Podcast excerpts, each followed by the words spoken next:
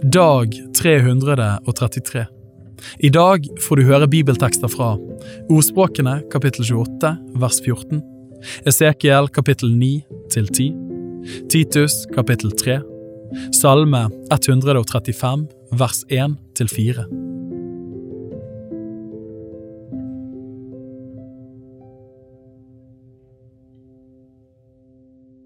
Ordspråkene kapittel 28 vers 14 Salig er det mennesket som alltid frykter, men den som forherder sitt hjerte, kommer i ulykke.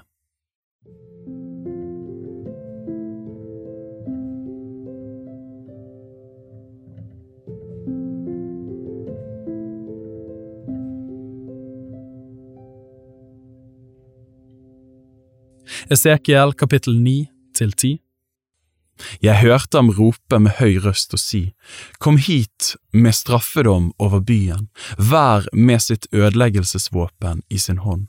Og se, det kom seks menn på veien gjennom den øvre porten, som vender mot nord, hver med sitt ødeleggelsesvåpen i sin hånd. Midt iblant dem var det en mann som var kledd i linklær og hadde skriveredskaper i beltet. De kom inn og stilte seg ved kobberalteret Israels Guds herlighet hevet seg opp fra kjerubene som den hvilte på, og flyttet seg til husets dørterskel. Han ropte til den mannen som var kledd i linklærne og hadde skrivesakene i sitt belte. Herren sa til ham, gå midt gjennom byen, midt gjennom Jerusalem, og sett et tegn i panen på de mennene som sukker og jamrer over alle de motbydelige ting som skjer der.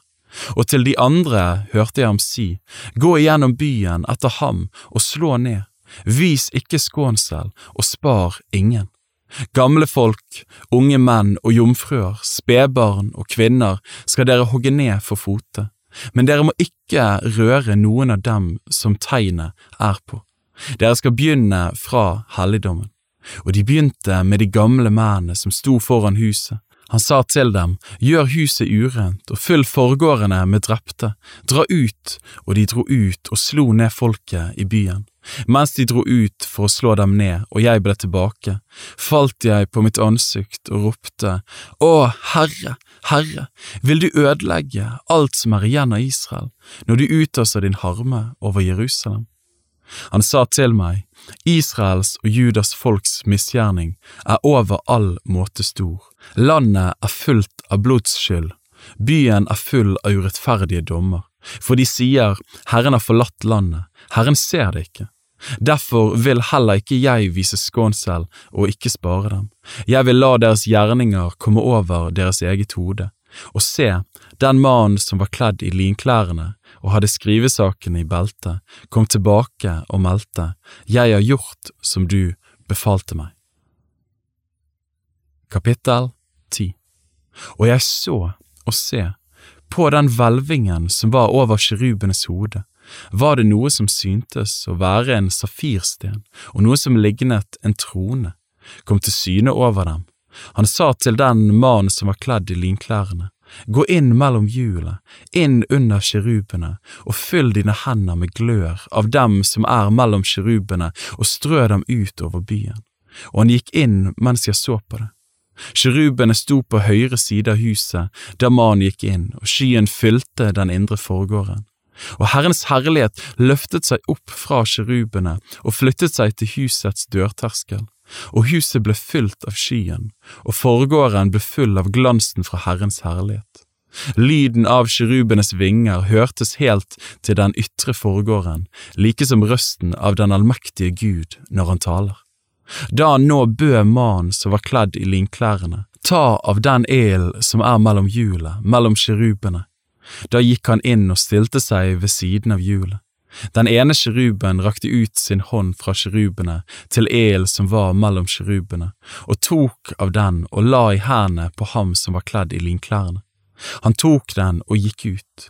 Under vingene på kjerubene kunne en se noe som lignet en menneskehånd, og jeg så og se, det var fire hjul ved siden av kjerubene, ett hjul ved hver kjerub, og hjulet var å se til som krysolitt.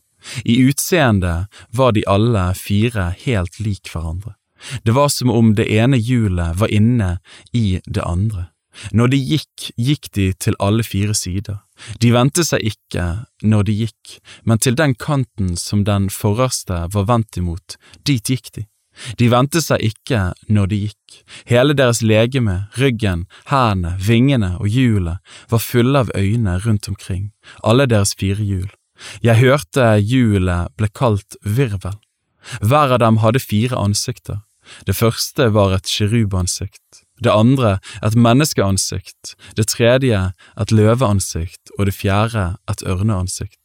Og kirubene løftet seg, det var de livsvesenene jeg hadde sett ved elven Kebar. Når kirubene gikk, da gikk hjulet ved siden av dem. Når kirubene løftet vingene for å heve seg opp fra jorden, skilte hjulet seg ikke fra dem. Når kirubene sto, da sto også de, og når kirubene hevet seg, hevet de seg med dem, for livsvesenets ånd var i dem. Herrens herlighet flyttet seg bort fra husets dørterskel og ble stående over kirubene. Jeg så hvordan kirubene løftet vingene og hevet seg fra jorden da de gikk ut, og hjulet ved siden av dem.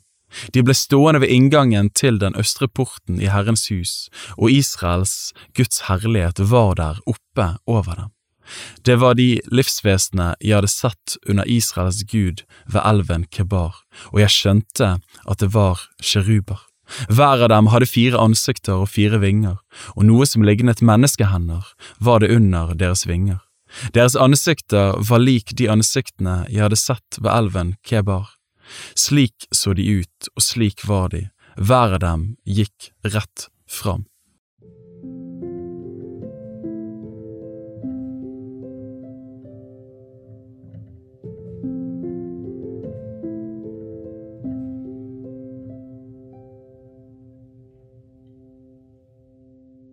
Titus kapittel 3 Minn dem om å underordne seg under styresmakter og myndigheter, være lydige, alltid ferdige til å gjøre godt, ikke spotte noen, ikke være stridslystne, men milde, og vise all ydmykhet mot alle mennesker.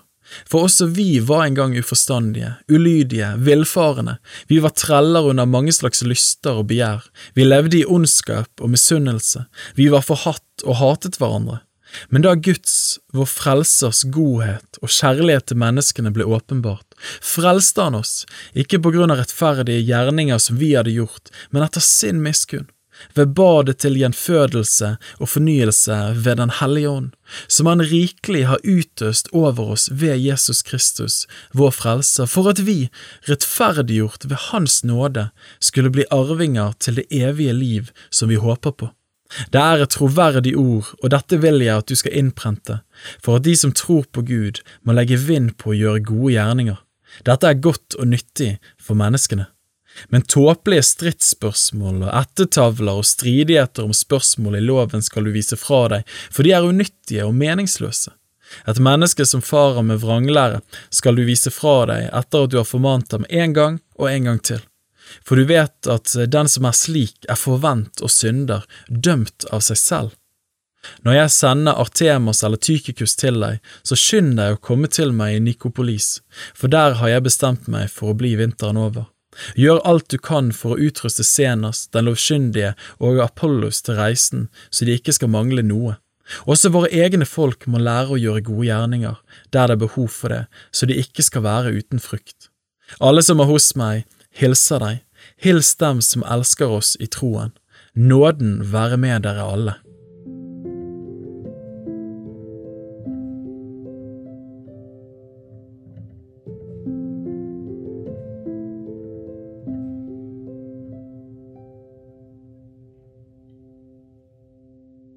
Salme 135, vers 1 4 Halleluja! Pris Herrens navn! Syng lovsang, dere Herrens tjenere, dere som står i Herrens hus, i forgårdene til vår Guds hus. Pris Herren, for Herren er god. Lovsyng Hans navn, for det er herlig. For Herren har utvalgt Jakob, han har gjort Israel til sin eiendom.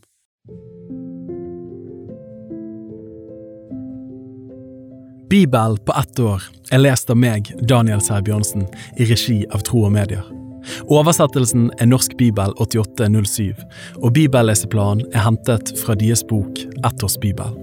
Hvis du ønsker å bli bedre kjent med Tro og Medias arbeid, og stå sammen med oss i å nå nye mennesker på nye måter med verdens beste nyheter om Jesus Kristus, se vår nettside troogmedier.no, og gjerne meld deg på vårt nyhetsbrev for å få de siste spennende oppdateringene.